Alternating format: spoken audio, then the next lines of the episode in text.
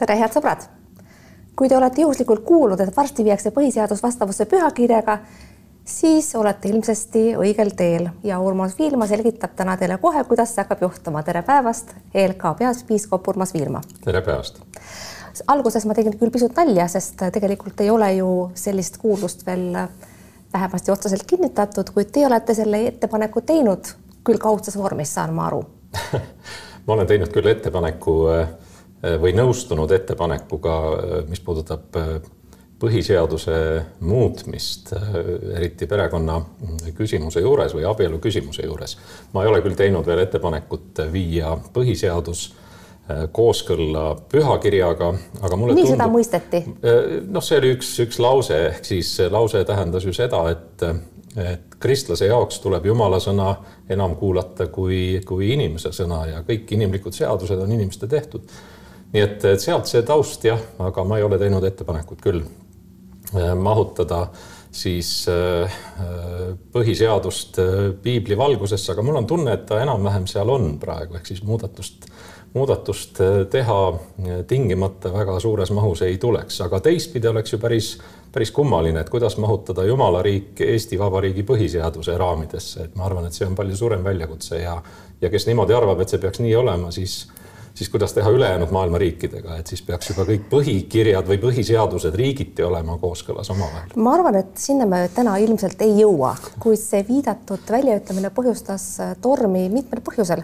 esiteks kuulub selline mõtlemine eh, ühte teise ajastusse.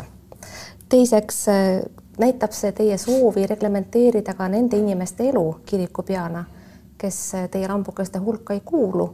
Ja kolmandaks võiksin näha ka soovi ikkagi tagasi pöörata seda, mis ilmalikes riikides vabaduste mõttes on saavutatud miks te sellisele libedale teele läksite?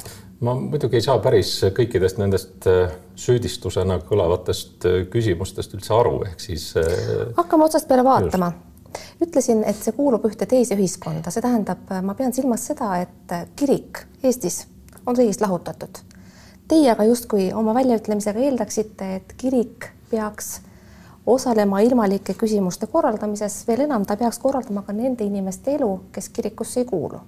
kust selline mõte teile üldse pähe tuleb? no kirik ei korralda inimeste elu, kirik äh, püüab kõigi inimestega siis olla suhtes selles mõttes, et olla kõigi inimeste kõrval ja, ja loomulikult ka juhtida tähelepanu, kui inimeste elu läheb vastuollu Äh, siis äh, piibli põhimõtete või õpetuse või, või väärtussüsteemiga. ma juhin tähelepanu sellele, et meil on kirik riigist lahutatud. kuidas te saate kõnelda nende eest, kes teie lambukeste hulka ei kuulu? meil ei ole tegelikult kirik äh, riigist lahutatud, sest võiks küsida, et kas on ka siis sport riigist lahutatud või, või, või mõned muud sellised valdkonnad, ehk siis. ma pean silmas, meil ei ole riigikirikut. ja see on hoopis teine asi ja tegelikult see, et meil ei ole riigikirikut, ei tähenda mitte konkreetselt, et meil ei ole luteri kirik, riigikirik või, või, või katoliku kirik, riigikirik lemmik, vaid see tähendab seda, et riigil ei ole üleüldse lemmikideoloogiat ja maailmavaadet. see on omakorda küsitav, sest kui ma teie väljaütlemisi vaatan, siis ma näen selgesti, et riigil on lemmikmaailmavaade, see on Eesti Luterliku Kiriku maailmavaade ja teie väljendate oma seisukohti ERR-is juba peaaegu viisil, mis tekitab küsimuse, kas ERR ja Eesti Kirik varsti liidetakse no need on küll väga ennatlikud äh, siis järeldused. esiteks, kirik ei taha kindlasti saada riigikirikuks. Äh, hoidku selle eest, me oleme sada aastat tagasi just nimelt püüdnud seda, seda viga vältida, mida mujal maailmas on tehtud. Eestis ei ole riigikirikut, aga samas seesama äh, põhiseaduse neljakümnes paragrahv annab usuvabaduse uskuda seda, et pühakiri on ülemuslik mis tahes inimlikest seadustest, nii et seesama meie Eesti Vabariigi põhiseadus täna kaitseb mind väljendamaks oma seisukohti nõnda kui teie ütlete, et võiks, kui teie väljaütlemine annab alust mõtelda, et te sooviksite põhiseaduse vastavusse viimist pühakirjaga, siis kujutage ette, et mõne teise usu peavaimulik seda ütleks. Noh, näiteks islami vaimulik, millest me siis räägime, šariaadist? Mm, tegelikult on meil usuvabadus põhiseaduse alusel seda väljendada ja kui ka teistel usulistel ühendustel oleks see, see õigus, aga me ju ei räägi printsiibina seda, et me peaksime hakkama põhiseadust nüüd viima kooskõlla pühakirjaga nüüd läbi, pühakirjaga läbivalt, me räägime konkreetsest äh, küsimusest ja see on siis abielu määratlemine. Ja antud juhul võiks siis öelda, et põhiseadus täna annab meile vägagi pühakirjapõhise arusaama, aga et vältida selle muutumist, on siis kõik seesama mm, abielureferendumi teema päevakorras ja ka on olnud päevakorras põhiseaduse muutmine, aga see ei ole asi, mille eest praegu kirikud võitlevad, tingimata põhiseaduse muutmine. meie jaoks on oluline abielu mõiste määratleda ära ja see võiks ka olla rahvahääletuse teel. abielu juurde me jõuame kohe konkreetsemalt, kui ma, kuid kui ma vaatan laiemalt teie väljaütlemisi ja kiriku, kiriku tegevust, siis juba kaks tuhat kaheksateist te ütlesite, et kirik võiks uuesti saada arvamusliidriks ja mulle tundub, et selle eesmärgi te olete juba tänaseks saavutanud. Teie isegi dikteerite seda, mille üle arutatakse ka siin saates. aga ehm, mida ma, milleni ma tahaksin jõuda, on see, et teie väljaütlemised meenutavad mulle järjest rohkem ühte valitsuserakonda. ma ütleksin, kirik on teie isikust täiesti ekrestunud. Te kiusate vähemusi, te arutlete selle üle, kas naised on inimesed või ei ole, kas aborti teha tohib või ei tohi. kui võtta see naiste küsimus, siis selles asjas te olete juba järele mõelnud, olete jõudnud järeldusele, et naised on inimesed, mingil hetkel nad seda teie jaoks ei olnud. abordi küsimuses on, olete ka EKRE-ga ühel arvamusel, ei peaks olema lubatud ja siis jäävad veel geid, eks ole EKRE meelest ei ole inimesed ja teie selles asjas veel mõtlete järele, kui lugeda teie ülesastumisi ERR-is. millest säärane kiriku ekrestumine peaks tulenema? ma ei oska kuidagi kommenteerida seda, kas kirist, kirik ekrestub, aga tegemist on ju põhimõtetega mis nüüd täpselt nii lihtsustatult, nagu teie seda väljendate, kindlasti nii ei ole. Aga tegemist on, on väärtustega, kui me räägime lihtsalt abielust kui väärtusest või, või inimese elu pühadusest kui väärtusest, siis tegemist on ikkagi väärtustega, mille eest kirik on seisnud ammu sajandeid või tuhandeid enne, kui loodi selline erakond nagu EKRE vaatame, kuidas see abielu ikkagi ohus on. abielu institutsioon ei ole ju kuidagi ohus, perekonnaseadus määratleb abielu praegu täitsa selgelt. milleks on meil vaja seda referendumit, mida teie omalt poolt kütate kaasa tegelikult vaenu õhutavalt minu meelest? tegelikult abielu institutsioon äh, muutus kaitstavaks või ohustatuks alates sellest, kui kooseluseadus vastu võeti täiesti eirates äh, head parlamentaarset tava ilma et poliitikud oleks saanud oma valijatelt volituse selleks. ehk siis erakondade esindajad, kes läksid läbi valimiste Riigikokku kooseluseadust siis võiks siis öelda läbi suruma, ei olnud saanud selleks volitusi, välja arvatud sotsid, kes, kes väidetavalt juba enne valimisi tookord väljendasid selliseid seisukohti. teised läksid sinna ilma, et neil oleks olnud rahva volitus seda teha ja, ja nad näitasid, kuidas on võimalik ühte seadust läbi suruda või ka olemasolevat seadust näiteks muuta, kui lihtsalt näppudel lugedes tulevad hääled kokku. Ja see ongi nüüd koht, kus perekonnaseaduse muutmine on ohustatud ja, ja sellepärast on vaja perekonnaseaduse muutmist, muutmine ei ole kõne all kõne all on abielureferendumi korraldamine. Teie aga ei reageerinud üldsegi mitte siis, kui kooseluseadus vastu võeti, vaid millegipärast Jüri Ratase valitsuse ajal, mis praegu koalitsiooni kokkuleppe kohaselt üldse kooseluseadust ei arutagi, rakendusaktid ei ole üldse kõne allgi. miks te siis hakkasite praegu seda asja ajama, ikkagi EKRE tuules? ei, ei, ei, me võime siis vaadata, et aastal kaks tuhat seitseteist, enne kui äh, olid viimased Riigikogu valimised aastal kaks tuhat seitseteist, oluliselt varem kui, kui erakonnad oma programmidega välja tulid, olen mina advendikõnes väljendanud seisukohta, et abielu tuleks põhiseaduses äh, sätestada ja see loob ühtlasi võimaluse lahendada ära ka samasooliste inimeste siis juriidilised probleemid ja see, see on juba ammu enne, kui EKRE selle teemaga välja tuli. aga see jäigi ERR-i intervjuus täiesti segaseks et kui see abielureferendum ära tehakse, sealt teile sobiv vihasõna kätte saadakse, alles siis võiks hakata homoseksuaalsete inimeste kooselamist kuidagi arutama. mismoodi peaks seda siis arutama?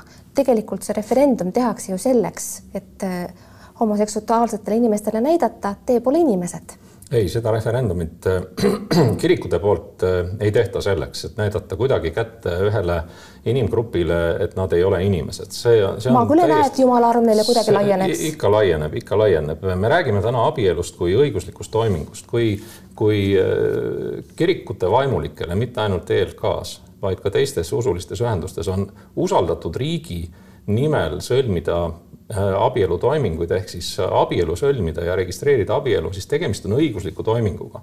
ja, ja nüüd oleks kummaline, kui, kui äh, vaimulikud, kellel on õigus riigi nimel abielu sõlmida, ei omaks kaasarääkimise õigust, milline see abielu peaks olema või võiks olla või milliseks ta peaks jääma.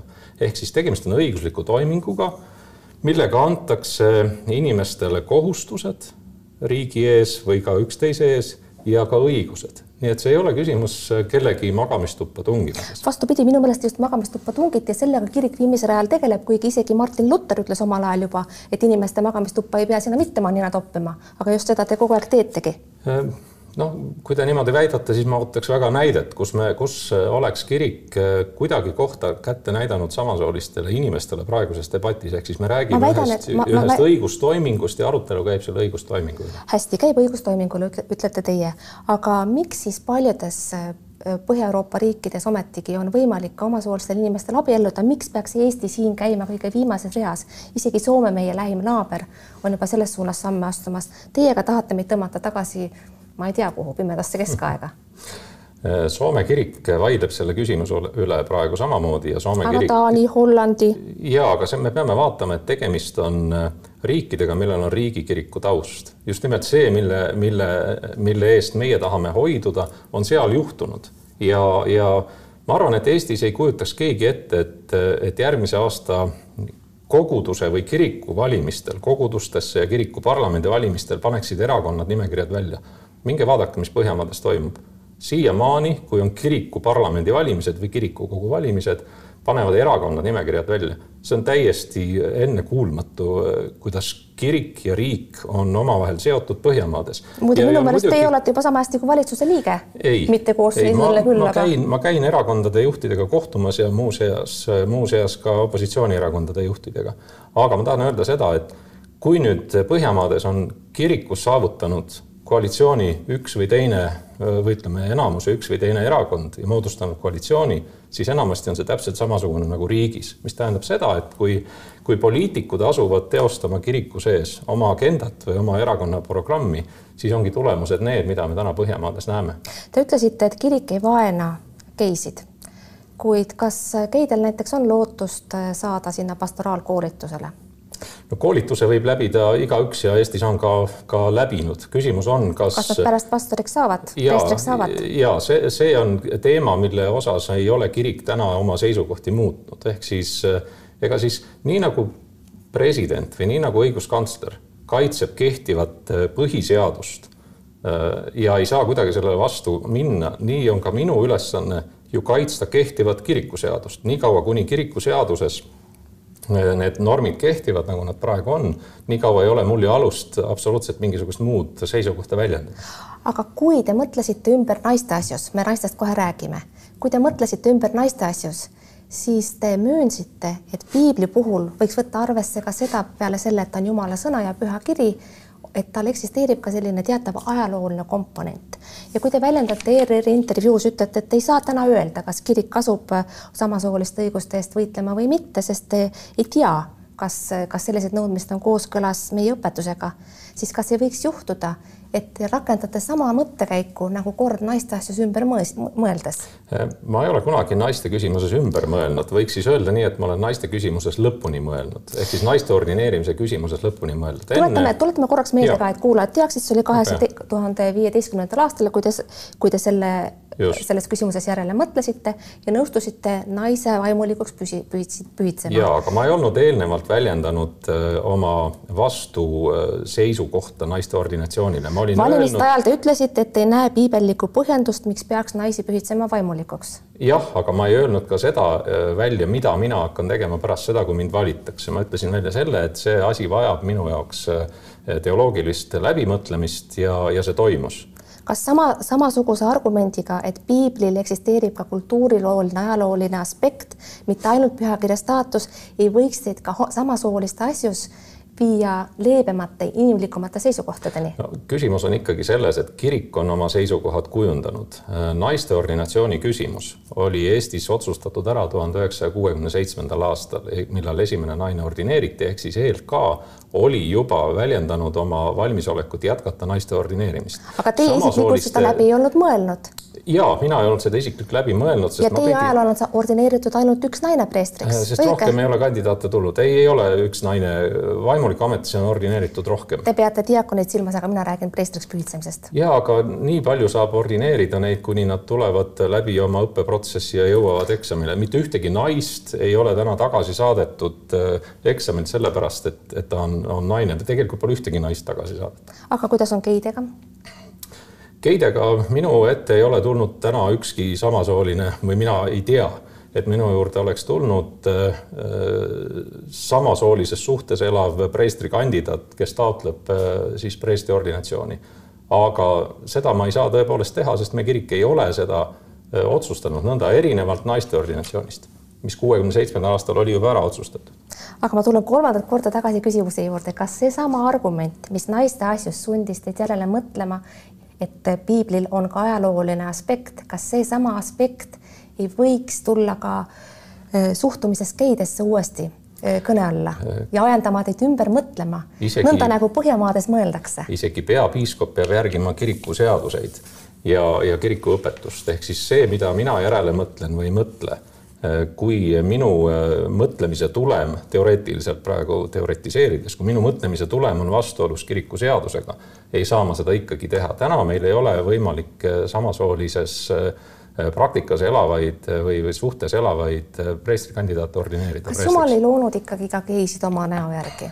Ikka ta lõi kõik inimesed oma näo järgi. no miks siis ei võiks, miks peavad siis geikristlased kuskil omaette oma asju ajama, miks nad ei võiks ametlikult kirikusse kuuluda? Nad kuuluvadki ametlikult kirikusse ja absoluutselt äh, täpselt samasugused õigused koguduse liikmena on ka geil, geidel nagu, nagu teistel koguduse liikmetel. aga õpetajad ei tohi nad olla? Äh, ja, aga õpetajad ei tohi olla väga mitmed teised inimesed ka, ehk siis küsimus ei ole küsimus ei ole selles, et, et nad ei saaks olla koguduse liikmed või kristlased, loomulikult nad saavad, neil on täpselt samasugused õigused nagu kõikidel teistel. kas teile ei tundu, et teatavas mõttes kitsarinnaline seisukoht selles teemas eh, võib pikaajalises perspektiivis teile endale kahjulik olla, näiteks Annika Laats pärast, eh, kelle väljaütlemist saates Suud puhtaks te väljendasite ennast eh, noh, üsnagi reljeefselt, mõistes selle avalduse hukka ja rõhutades, et homoseksuaalne praktika on patt. pärast seda Annika Laatsi populaarsus on oluliselt suurenenud ja vähe sellest, ka tema kogudus on hakanud kasvama, mida kaugeltki teiste majakoguduste kohta öelda ei saa.